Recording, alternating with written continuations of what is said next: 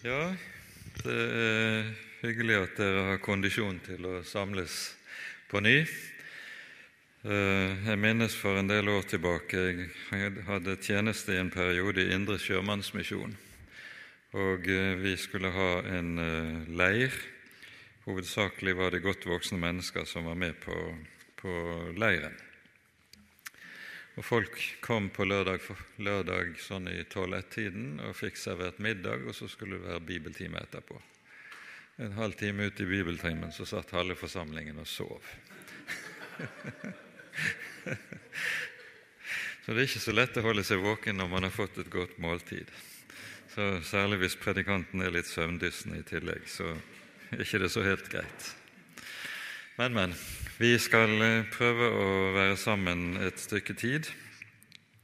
Og den teksten som jeg har tenkt vi skal ta, ta for oss, eh, det er Første Mosebok kapittel fire, der vi hører om Kain og Abel. Eh, en tekst som jeg tror i veldig stor grad er oversett med tanke på den betydningen den har, for den er faktisk en ganske viktig tekst i vår bibel. Det er jo sånn at De første kapitlene i vår bibel de har det med seg at de lærer oss tre viktige hovedsaker.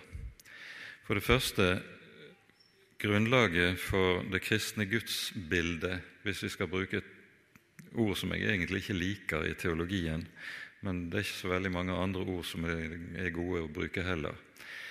Men det kristne gudsbildet det har sitt fundament i de første kapitlene i Første Mosebok. For det andre det kristne menneskesynet er tuftet på det vi hører i de første kapitlene i Første Mosebok. Og for det tredje den kristne virkelighetsforståelsen. Ordet virkelighetsforståelse er uhyre sentralt. For virkelighets, den virkelighetsforståelsen vi har, den er ofte ikke noe vi ikke gjør oss alltid klart bevisst om hva den dreier seg om, men samtidig har virkelighetsforståelsen det med seg at den ofte styrer store deler av vår tenkning, kanskje uten at vi er oppmerksom på hva som faktisk skjer. Og Her er det altså De første kapitlene i Første Mosebok er helt sentrale med tanke på disse tre hovedsakene. Og eh, Det gjør at jeg for min egen del har beskjeftiget, meg, beskjeftiget meg ganske mye med nettopp disse kapitlene. Og jeg tror det er viktig også å forsøke å videreformidle noe av det som ligger i disse kapitlene i vår bibel. Ehm, vi hører i kapittel tre om syndefallet. Og Det første vi hører skje etter syndefallet, det er altså beretningen om Kain og Abel, det første brodermordet. Og så, i fortsettelsen av det, er det vi har to nye avsnitt. For det første Kain blir opphavet til den første gudløse kulturen. Det er det du leser i andre halvdel av kapittel fire. Og så hører du i kapittel fem om stamtavlen til Sett. Og Det som er poenget med disse avsnittene, det er at du får to slektslinjer. En slektslinje som nedstammer fra Kain, der opprøret mot Gud stadig sterkere utfolder seg. Og så har du slektslinjen fra Sett, der troen og gudsfrykten nedarves. Og det er Setts slekt Noah fødes inn. Og Så kommer kapittel 6 med beretningen om Noah. Og kapittel 6 innledes jo sånn som jeg regner med de fleste av dere husker. Da nå menneskene begynte å bli mange på jorden, og de fikk døtre, da så Gud sønner at menneskenes døtre var vakre og tok seg koner, hvem de hadde lyst til. Det som skjer her, det er at de to slektslinjene blandes.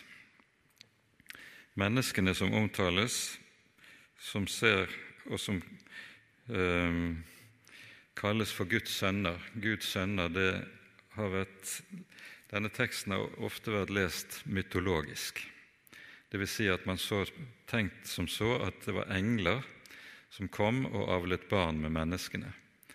Denne mytologiske tolkningen den er fremmed for Bibelen. Den er hentet inn fordi man har tenkt som så at bibelteksten har hentet sin inspirasjon fra andre tekster fra eh, datidens Midtøsten, babylonske og kananittiske kilder. Det tror jeg ikke stemmer. Og Det ordet som omsettes med Guds sønner her, det omsettes ellers i Bibelen med rett og slett med Guds barn. Så de, bland, de to slektslinjene som blandes her, det er slekts, slektslinje, som kalles Guds barn, og Kains slektslinje, som kalles menneskene. De blandes, og hva skjer? Det forfallet og det frafallet som kjennetegner Kains ett, trenger inn i Sets slektslinje, og så blir jorden fylt med urett. Og så kommer syndfloden.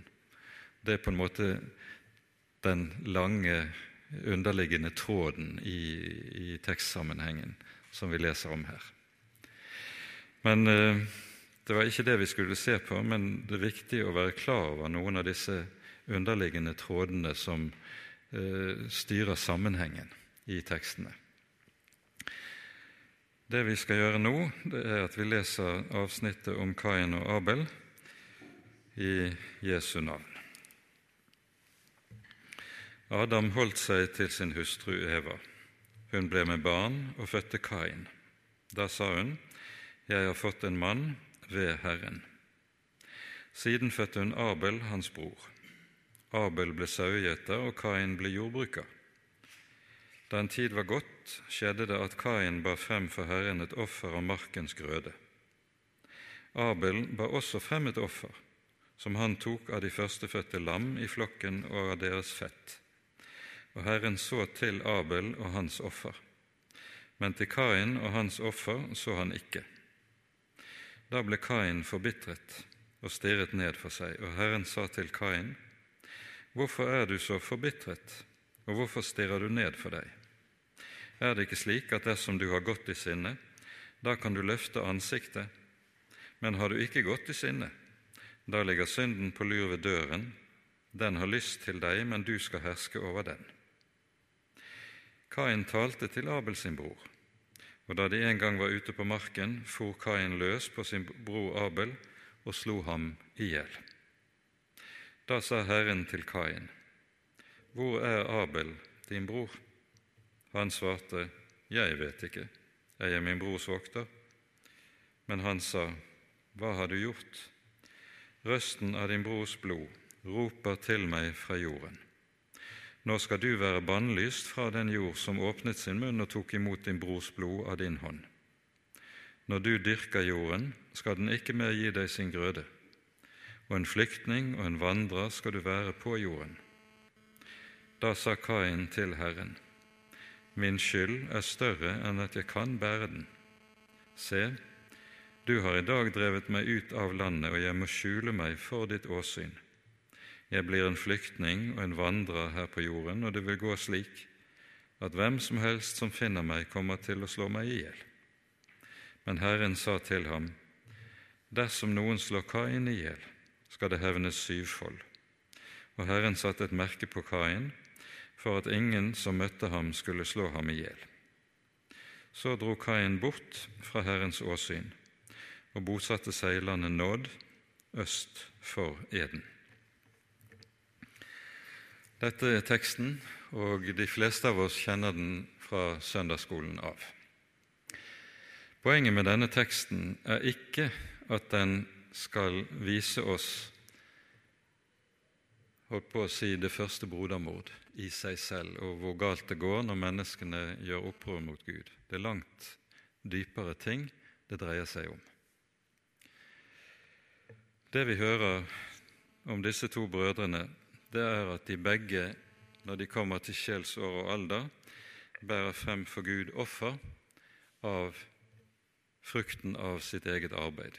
Kain av markens grøde, Abel, Abel av slaktet får.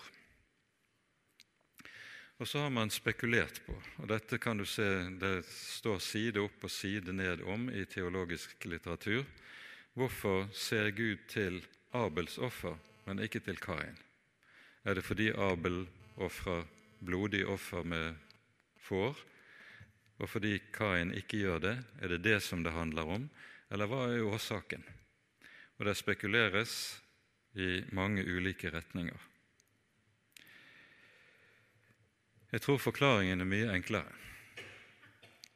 Poenget, og dette er noe du nemlig ser senere gjennom hele Den hellige skrift. Hvorvidt Gud tar imot bønn fra et menneske, hvorvidt Gud tar imot offer fra et menneske, det avhenger av én ting, og det er dette menneskets hjerteforhold til ham. Hvis mennesket står i et skjevt hjerteforhold til Gud, så har Gud sagt 'Jeg vil ikke høre'. Det ser vi om igjen og om igjen utover hos profetene. Og motsatt, der et menneske står i et rett hjerteforhold til Gud, der vil han høre. Hvordan kan vi vite noe om Kabel, Kains hjerteforhold til Gud? Det ser vi veldig tydelig av teksten. Fordi det er slik at et menneskes hjerteforhold til Gud er nøyaktig slik som dets forhold til Guds ord. Og Kains forhold til Guds ord ser du meget tydelig i teksten, for du hører at Herren tre ganger oppsøker Kain, kaller på han, taler til han, og Kain avviser Guds røst. Så du ser meget tydelig hva som er Kains hjerteforhold til Gud, nettopp av Kains forhold til Guds ord. Og Dette er jo en grunnsannhet i Den hellige Skrift nemlig at et menneskes forhold til Gud er nøyaktig slik som dets forhold til Guds ord. Du kan ikke ha ett forhold til Ordet og et annet forhold til Herren. De to ting er identiske. Og Det henger sammen med den grunnsannhet som også ligger i, i Skriften, nemlig at vi kjenner Gud utelukkende gjennom Skriften, og Gud åpenbarer seg for oss og kommer til oss gjennom Skriften, gjennom Ordet. Gud og Ordet er en enhet. Og Dette er bakgrunnen for, eksempel, for at Gud en rekke steder Vi hører det i åpenbaringsboken, men det har bakgrunn i flere tekster i Det gamle testamentet, at Gud kalles for Amens Gud. Og Det betyr nettopp dette at Gud er ett med sitt ord. Møter du Ordet, så møter du Gud. Det er saken. Og Derfor er, det slik, som vi har pekt på her, et menneskes forhold til Gud er nøyaktig slik som det er et forhold til Ordet. Jesus sier jo samme sak. Den som elsker meg, tar vare på mitt ord. Den som ikke elsker meg, tar ikke vare på mitt ord. Johannes 14. Så Jesus er meget tydelig på samme sak. Og Leser du en del av salmene f.eks. i Det gamle testamentet, ta Salme 119, som jeg har arbeidet ganske mye med de senere år, så kan du se forholdet til Ordet og forholdet til Herren er én og samme sak. Du kan ikke skille det. Og Det er dette som altså avslører Kain sitt gudsforhold. Han er en som lukker ørene når han hører Guds ord. Følgelig er hans hjerte ikke rett for Herren. Dermed så blir Kain heller ikke hørt.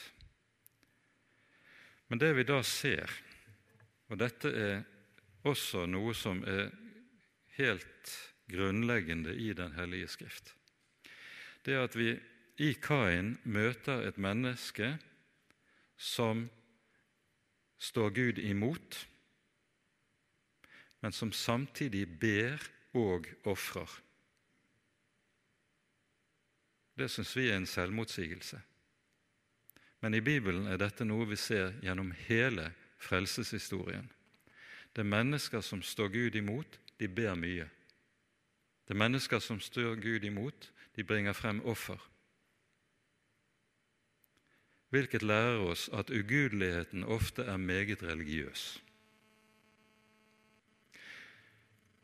Dette er viktig å være klar over, for det betyr meget klart, slik som Bibelen taler om det, at slett ikke all religiøsitet er god. Det kan meget godt være slik at religiøsitet er det stikk motsatte.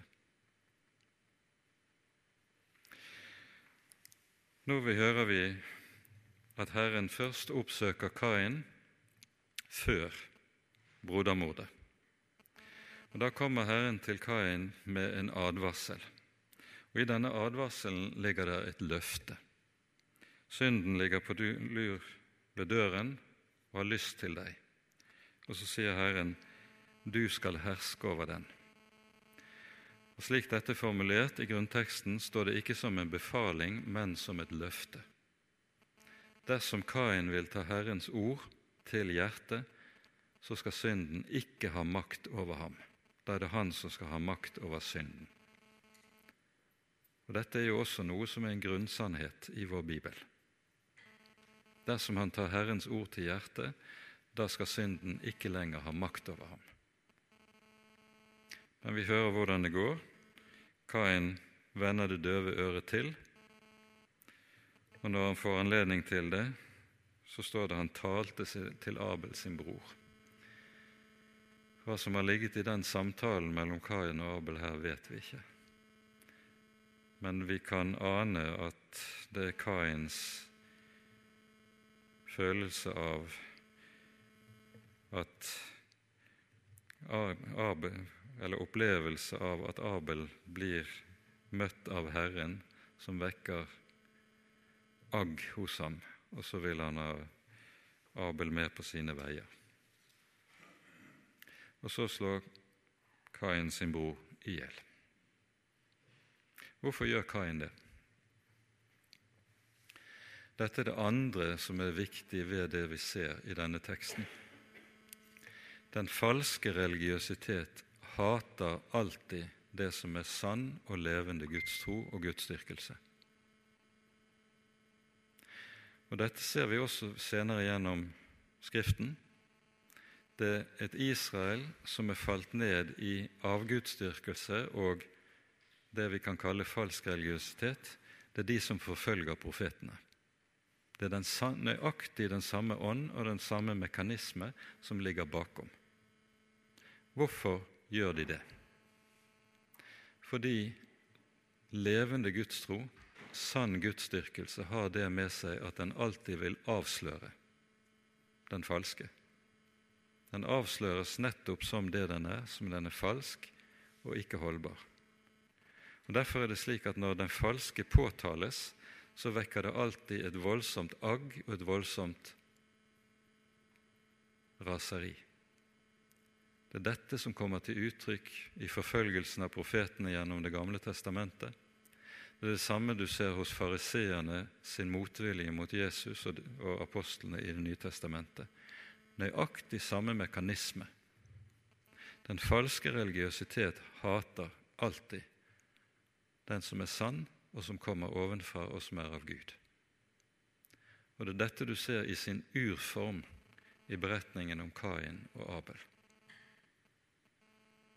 Den falske religiøsitet avsløres av den sanne. Og så melder fiendskapet seg. Og Dette fiendskapet det er omtalt allerede i syndefallsberetningen i kapittel 3. For her sies det i domsordene over slangen som i vers 15 i Første Mosebok 3 står det slik. Herren sier til slangen, 'Jeg setter fiendskap mellom din ett, mellom deg og kvinnen, mellom din ett og hennes ett.'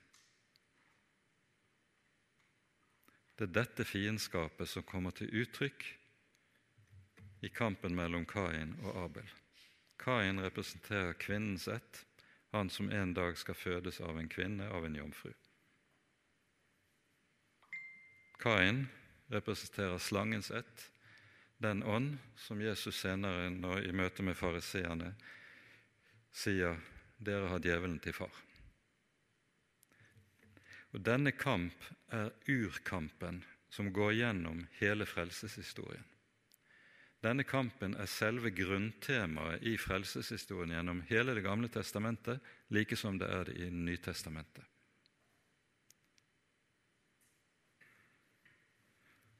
Så slår Kain sin bror i hjel, og nå kommer Herren til han og oppsøker ham annen gang. Hva har du gjort? Hvordan svarer Kain? Er jeg min brors vokter? Hva er det Kain svarer egentlig da? Det er et utrolig nesevist svar, der Kain så å si setter nesen i sy og spør Gud hva har du med å komme og fortelle meg om hva jeg skal gjøre?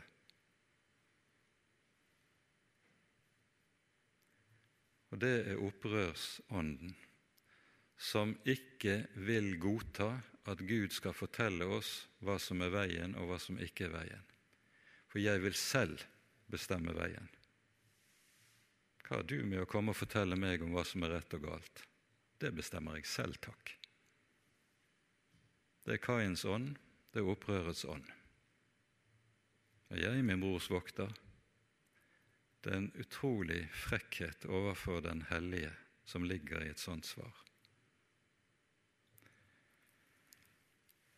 Og så ser du hvordan Kain med dette avslører så altfor tydelig hva som ligger i hans hjerte. Og fortsatt er det slik, og dette skal vi også legge merke til, Herren kommer til Kain eh, med to spørsmål. Du skal legge merke til det. Først taler han i vers 6 Hvorfor er du forbitret, og hvorfor stirrer du ned for deg? Han stiller spørsmål. Hvorfor stiller Gud spørsmål? Det er ikke fordi han ikke vet svaret, for Gud vet meget godt hva som er svaret. Spørsmålet dukker opp igjen i vers 9. Hvor er Abel, din bror? Hvorfor stiller Gud spørsmål? Han vet veldig godt hva som er svaret. Spørsmålet er Guds milde måte å forkynne loven på. Gud kunne forkynt loven på den harde måten med torden og kommet med hammeren. Det gjør han ikke. For når Gud kommer med spørsmålet, så er det én bestemt grunn til det. Og det er at han vil vekke selverkjennelse i menneskets hjerte. Og Derfor er det at Gud også, når vi hører under syndefallet, kommer til Adam og Eva, så kommer han med spørsmål. 'Adam, hvor er du?' Det er ikke fordi han ikke vet hvor Adam er. Han vet meget godt hvor Adam er. Men med det spørsmålet så sier Gud, hvor har du havnet hen? Hvor har det ført deg hen, det du nå har gjort? Adam, hvor er du? Og til Eva, hva har du gjort? Det er et spørsmål som skal skape selvbesinnelse og selverkjennelse. Og det er lovens milde tiltaleform. Hva har du gjort?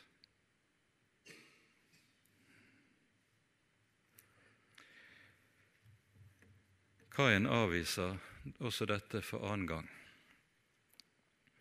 Og I dette så hører vi nå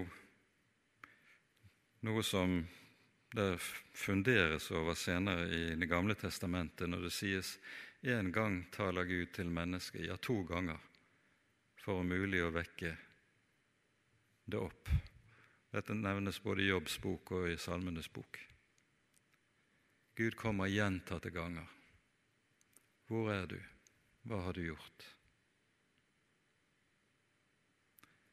Men selvbesinnelsen og selverkjennelsen, den er ikke det som Kain ønsker seg. Og så kommer det nesevise svaret fra ham. Og da er det at Herren svarer, og nå blir loven ikke lenger en lov som kommer i mild tiltaleform, men nå kommer loven med sin dom.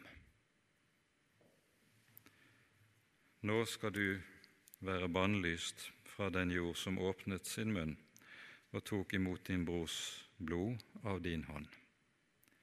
Gud forkjenner dommen over Kain.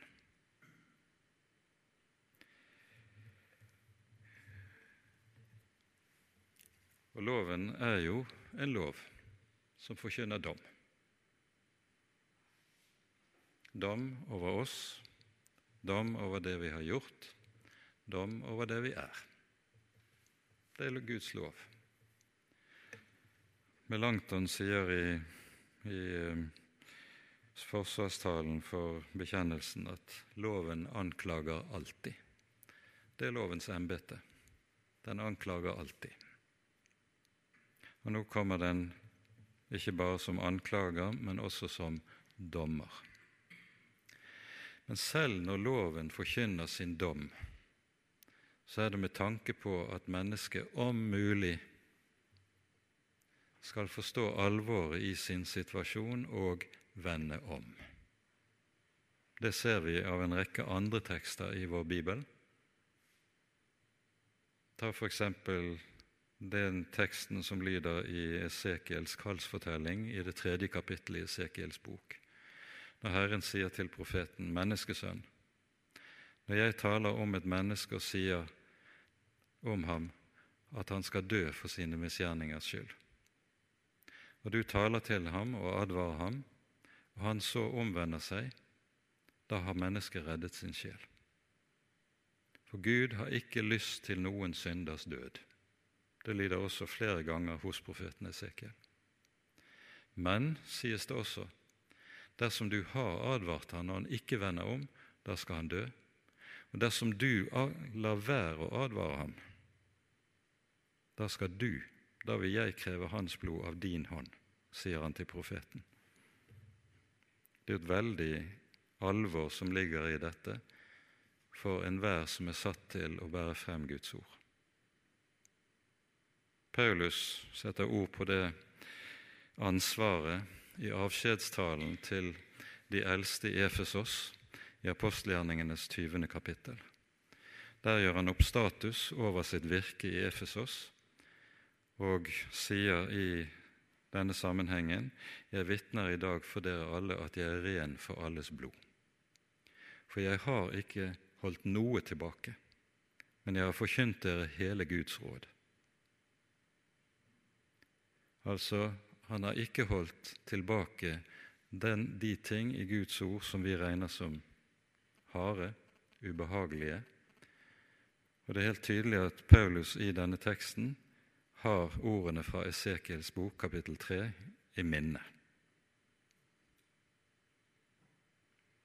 Hele Guds råd skal lyde. Lov og evangelium skal lyde, begge deler, for at mennesket skal bli frelst. For når Gud forkynner sine dommer, så er det med tanke på at mennesket skal forstå alvoret det handler om frelse og fortapelse. Det handler om liv og død. Intet mindre.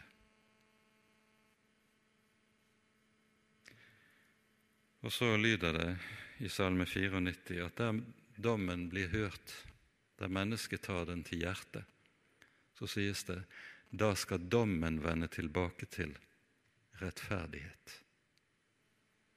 Dersom vi dømte oss selv, ble vi ikke dømt skriver Paulus i, i 1. kor 11. Det er samme sak. For selv når Gud kommer med sine dommer, så er det med for, om mulig, at mennesket kan stanse opp, vende om og komme til liv. Kain vender fortsatt det døve øret til, også når Gud kommer med sine dommer. Når han svarer på dette, så hører vi i vers 13.: Da sa Kain til Herren, min skyld er større enn at jeg kan bære den. I eldre oversettelser så sto det sånn min synd er større enn at jeg kan bære den. Og Da høres det ut som at Kain angrer. Det gjør han ikke. Det som kommer fra Kains munn her, det er at han skjønner at det han har gjort, drar bestemte konsekvenser inn over livet hans som er høyst beklagelsesverdige, negative. Han angrer ikke på hva han har gjort, men han beklager at det han har gjort, fører til konsekvenser som er til skade for han. Så det er ingen anger som lyder hos Kain selv her. Og så er enden på visen det som sies Så dro Kain bort fra Herrens åsyn og bosatte seg i landet Nodd. Ordet Nodd er et hebraisk ord som betyr landflyktighet. Det betyr han bosetter seg i landflyktighet fra Gud, borte fra Gud. Og Nå bygger Kain den første kulturen som er uten Gud, borte fra Gud. Og hvilken ånd som preger denne kulturen, det ser du i de kommende versene. Her vokser først polygamiet frem, og så vokser blodhevnen frem. Alt dette som senere kom til å prege hedenskapet gjennom hele oldtiden og antikken. Det er den gudløse kulturen som er Kains kultur. Det som vi her har pekt på, det er altså en tekst som gir oss så å si malen for noe som dukker opp på ny og på ny videre utover gjennom historien i vår bibel. Og Vi skal peke på et par tekster som tar dette videre for oss. Først hos profeten Jesaja i det første kapittelet. Her hører vi innledningen til Jesajas profetiske virke. Og så sies det i første kapittel fra vers 10 slik.: Hør Herrens ord, dere Sodoma-fyrster. Lytt til vår Guds lov, du Gomorra-folk. Hva skal jeg med alle deres mange slaktoffer, sier Herren.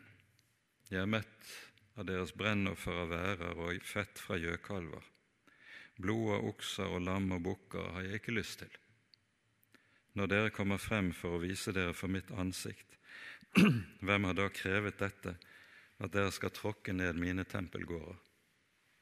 Kom ikke mer frem med unyttig matoffer. Det er en motbydelig røkelse.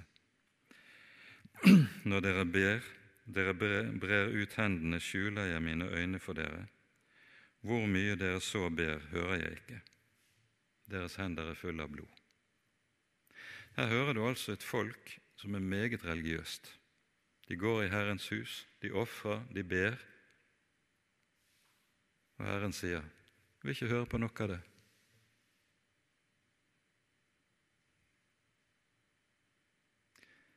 Det er Kains ånd det er mennesker som ikke bryr seg med å høre Guds ord og la Guds ord føre dem til omvendelse. Og så prøver de å dekke sin manglende omvendelse med økt religiøs aktivitet. For det er jo det denne religiøse aktiviteten eh, innebærer.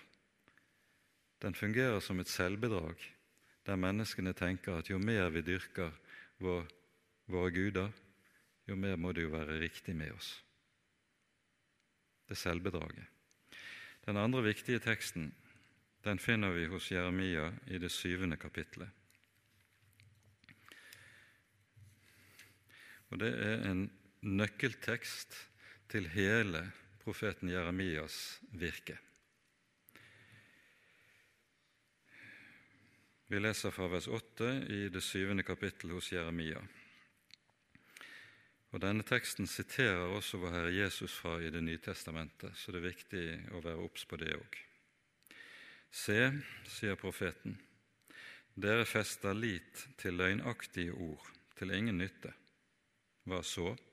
Dere stjeler, slår i hjel, bryter ekteskapet, sverger falskt, brenner røkelse for Baal og følger andre guder som dere ikke kjenner og så kommer dere frem i mitt hus som er kalt for mitt navn, og sier, Vi er frelst. Og så vil dere fremdeles gjøre alle disse motbydelige ting. Dette gjelder ikke bare Israel i Det gamle testamentet. Dette gjelder gjennom alle tider. Mennesker som lever i synd og ikke vil vende om, og samtidig kommer i Guds hus og sier 'vi er frelst'. Er da dette mitt hus, som er kalt med mitt navn, blitt en røverhule. spør Herren så i fortsettelsen. Men Jeremia så eh, drar sammen trådene og skal sammenfatte hva det hele egentlig bunner i, så lyder det mot slutten av kapittelet. Herren sier til ham, Du skal tale til dem alle disse ord, men de skal ikke høre på deg. Du skal rope til dem, men de skal ikke svare deg. Og du skal si til dem, Dette er det folk som ikke har hørt på Herrens, sin Guds røst, og ikke har tatt imot tukt. Det er sammenfatningen. De har ikke hørt. Det var Kain. Han ville ikke høre. Det er Israel. De ville ikke høre. Og så er det det som sammenfatter det hele. For det er jo noe av det som gjelder som fundamentalt inn i alt kristent liv. Frelsen ligger i et menneskes hørsel. Får du høre ordet lyde til deg, klart og rent, da er det der du har det evige liv. Det er der Gud rekker deg livet. Gjennom loven og evangeliet. Og så lyder det til Israel dette er det folk som ikke har hørt på Herrens sin Guds røst. Og dette er Guds sorg. I Salmenes bok så har vi to salmer der vi hører Gud sukker. Og hva er det Gud sukker over når det gjelder sitt folk? Du ville ikke høre. Du ville ikke høre. Og så gikk de sine egne veier i stedet.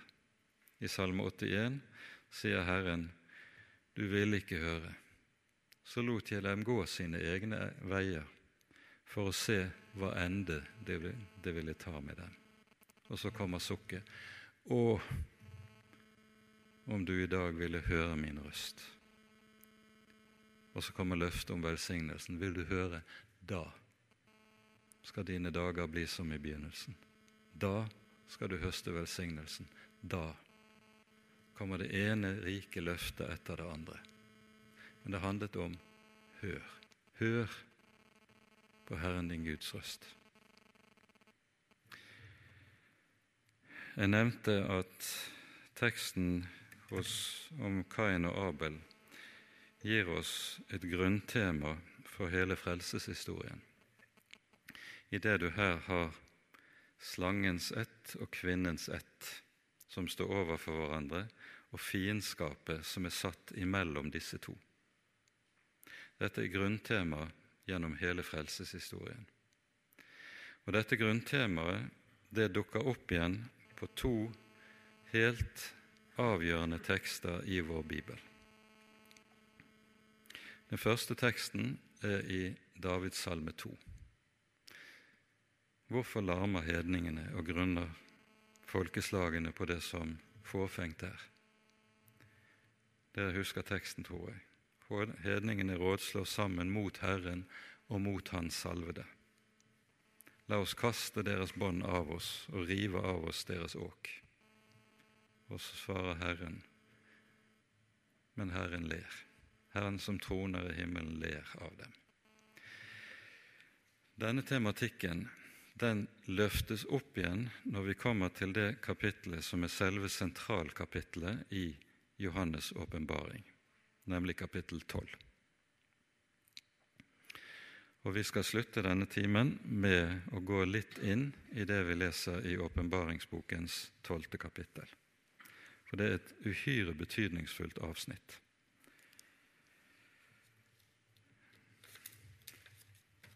Ordene i dette kapittelet er delvis hentet fra det vi hører i Salme 2. Ehm, vi kan bare i parentes si det at i åpenbaringen finner du ikke et eneste sitat fra Det gamle testamentet.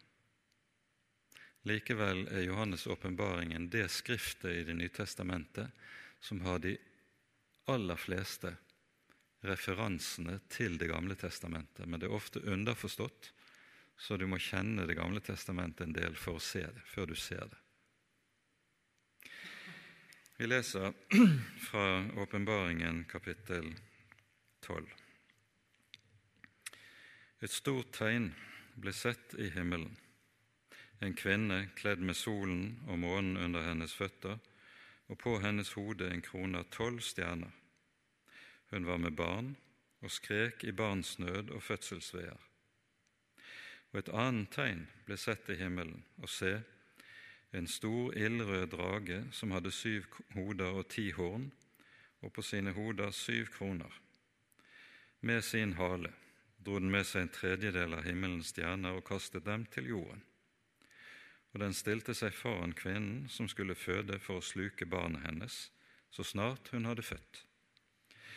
Hun fødte en sønn, et guttebarn, som skal styre alle hedningefolk med jernstav. Og hennes barn blir rykket bort til Gud og hans trone. Og kvinnen flyktet ut i ørkenen, hvor hun hadde et sted som er gjort i stand for henne av Gud, for at de der skal sørge for henne i 1260 dager. Det ble så en strid i himmelen. Jeg skal ganske kort kommentere dette før vi leser de neste versene. Kvinnen som det her er tale om, det er Guds folk. Og barnet som fødes, det er Guds sønn, som fødes til jorden. Barnet, dette er åpenbaringens symbolspråk. Kvinnen er altså gudsfolket. Gjennom hele Det gamle testamentet så kalles jo Israels folk for, for med kvinnenavn. Hun er Herrens trolovede hustru osv. Dere kjenner symbolikken i dette. Barnet, det er Frelseren, og at det er Han, det gir seg nettopp av sitatet fra Salme 2, som vi hører i eh, vers 5. Hun fødte et guttebarn som skal styre hedningefolkene med jernstav. Salme 2 er en messiansk salme, og her identifiseres barnet som den lovede Messias som fødes. Dragen, det er djevelen. Han symboliserer djevelen. Dette hører vi i fortsettelsen. Ehm, det er slangens fiendskap mot kvinnens ett vi møter her.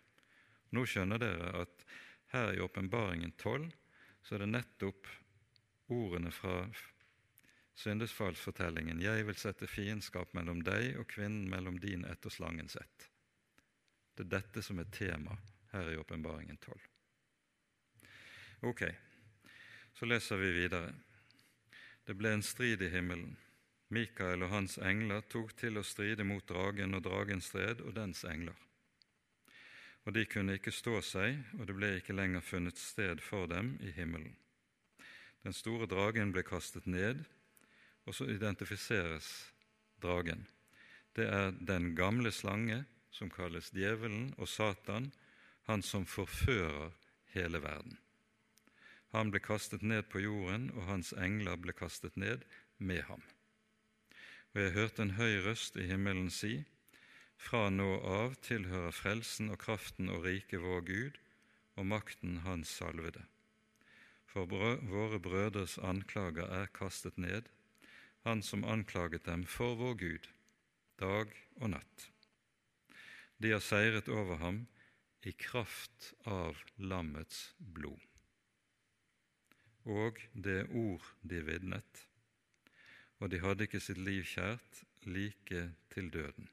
Derfor, fryd dere, dere himler og dere som bor i dem, men ved jorden og havet, for djevelen er steget ned til dere i stor vrede, fordi han vet han bare har en liten tid. Husker dere at i Johannesevangeliet kapittel 12, når Jesus taler om, etter å ha talt om seg selv som hvetekornet som legges i jorden for å dø, for at det skal bæres med egen frukt, så sier Jesus at nå er timen kommet da djevelen skal kastes ned. Den striden som her skildres for oss, når den onde, når slangen kastes ned, det er den strid som så å si skjer i den usynlige verden mens Jesus henger på korset. Jesu kors er seieren over den onde. Han blir avvæpnet ved Jesu død på korset, noe som Det nye testamentet jo lærer oss meget tydelig.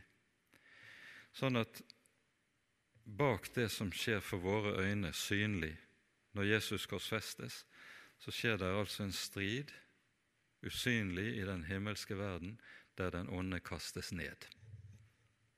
I Det gamle testamentet, hvis du leser Jobbs bok, så hører du jo at djevelen har tilgang for Guds trone sammen med englene i himmelen. Det har han ikke lenger etter at Jesus er korfestet. Da er han kastet ned. Han kan ikke lenger stå for Guds trone og anklage Guds folk. For anklagen er gjort til intet, skyldbrevet er slettet på korset. Så det hele denne nytestamentlige rikdommen av assosiasjoner som ligger i bunn under det vi hører i dette som sies i avsnittet her. Det avsnittet som står her, det står som innledning til det som kommer i det neste kapittelet om Antikrists fremtreden. Nå har vi hørt om striden i den skjulte verden i kapittel 12, og så i kapittel 13 så kastes det lys over det som skjer i den synlige verden. Og det poenget er det er den samme grunnleggende strid som har ligget der fra begynnelsen. Jeg vil sette fiendskap mellom deg og kvinnen, mellom din ett og kvinnens ett. Og det er denne striden som settes på spissen historisk når Antikrist trer frem. I ham er det du ser den falske religiøsitet så å si når sitt ytterpunkt og kommer til syne nettopp i den hardeste forfølgelsen av Guds folk som har vært gjennom hele historien. Dette sies jo veldig tydelig i det 13. kapittel.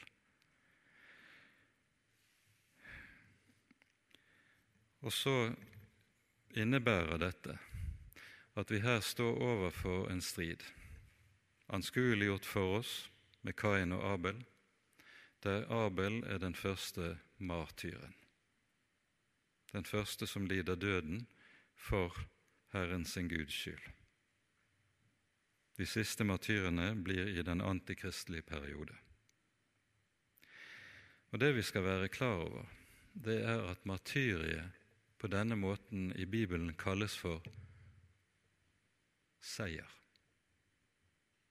Martyriet er ikke nederlag, men det er seier. For på samme måte som det gjaldt vår Herre Jesus, Hvetekornet legges i jorden for å dø, og så bærer det megen frukt. Slik er det også med martyrenes død. Dette er den nytestamentlige tankegangen om dette. Og så sies det hva denne seieren hviler i. De har seiret over ham i kraft av lammets blod og det ord de vitnet. Seieren er altså ikke i kraft av egen styrke, egen utholdenhet, egen troskap. Men det er akkurat som vi hørte i dagens preken. Tro, det er å være venn til Jesus, være avhengig av Jesus, at hjertet er rettet på Jesus. De har seiret over ham i kraft av lammets blod. Det er intet annet som kan bære og gi seier når det virkelig røyner på. Og så føyes det til og det ord de vitnet. Og Det betyr ikke at det sies at det er to faktorer som fører til denne seier. Men dette er det som kalles for en parallellisme i Bibelen, nemlig der den ene halvdelen av verset sier det samme som første halvdel av verset, bare gjennom å utfolde noe av meningen i det. Så lammets blod og ordet som vitnes, det er en og samme sak. For hva er det vårt vitnesbyrd dreier seg om? Det er om lammet. Det er om Han som ble slaktet for våre synder. Lammet som bar våre og all verdens synder. Det er det som er vårt vitnesbyrd. Og det er derfor vi blir hatet. Det er derfor Guds folk også hates av verden. Abel ble hatet for det lam som ble slaktet. Vi vil også, og Guds folk vil gjennom alle tider også være hatet og møte motstand av samme grunn. Men det er lammets blod som bærer i seg seieren, og det er vitnesbyrdet om lammets blod som bærer i seg seieren. Så, med det er vi kommet til punktum for det jeg hadde tenkt å si i denne timen. Det var et forsøk på å tegne opp noen grunnleggende linjer som gjelder hele frelseshistorien, og som det er viktig gir oss et perspektiv også på det som ligger foran oss, som jeg tror er ganske viktig å ha med seg. For vi står overfor en tid der lovløshetens hemmelighet slippes løs, og der han som kalles Herrens motstander og antikrist, antagelig ikke så veldig langt borte. Da er det viktig å vite hvilke perspektiver du skal tolke det vi står overfor, i. Med det setter vi punktum. Jeg vet ikke er det naturlig med gi anledning til spørsmål eller en samtale. Jeg har ikke hastverk for å komme til flyplassen, så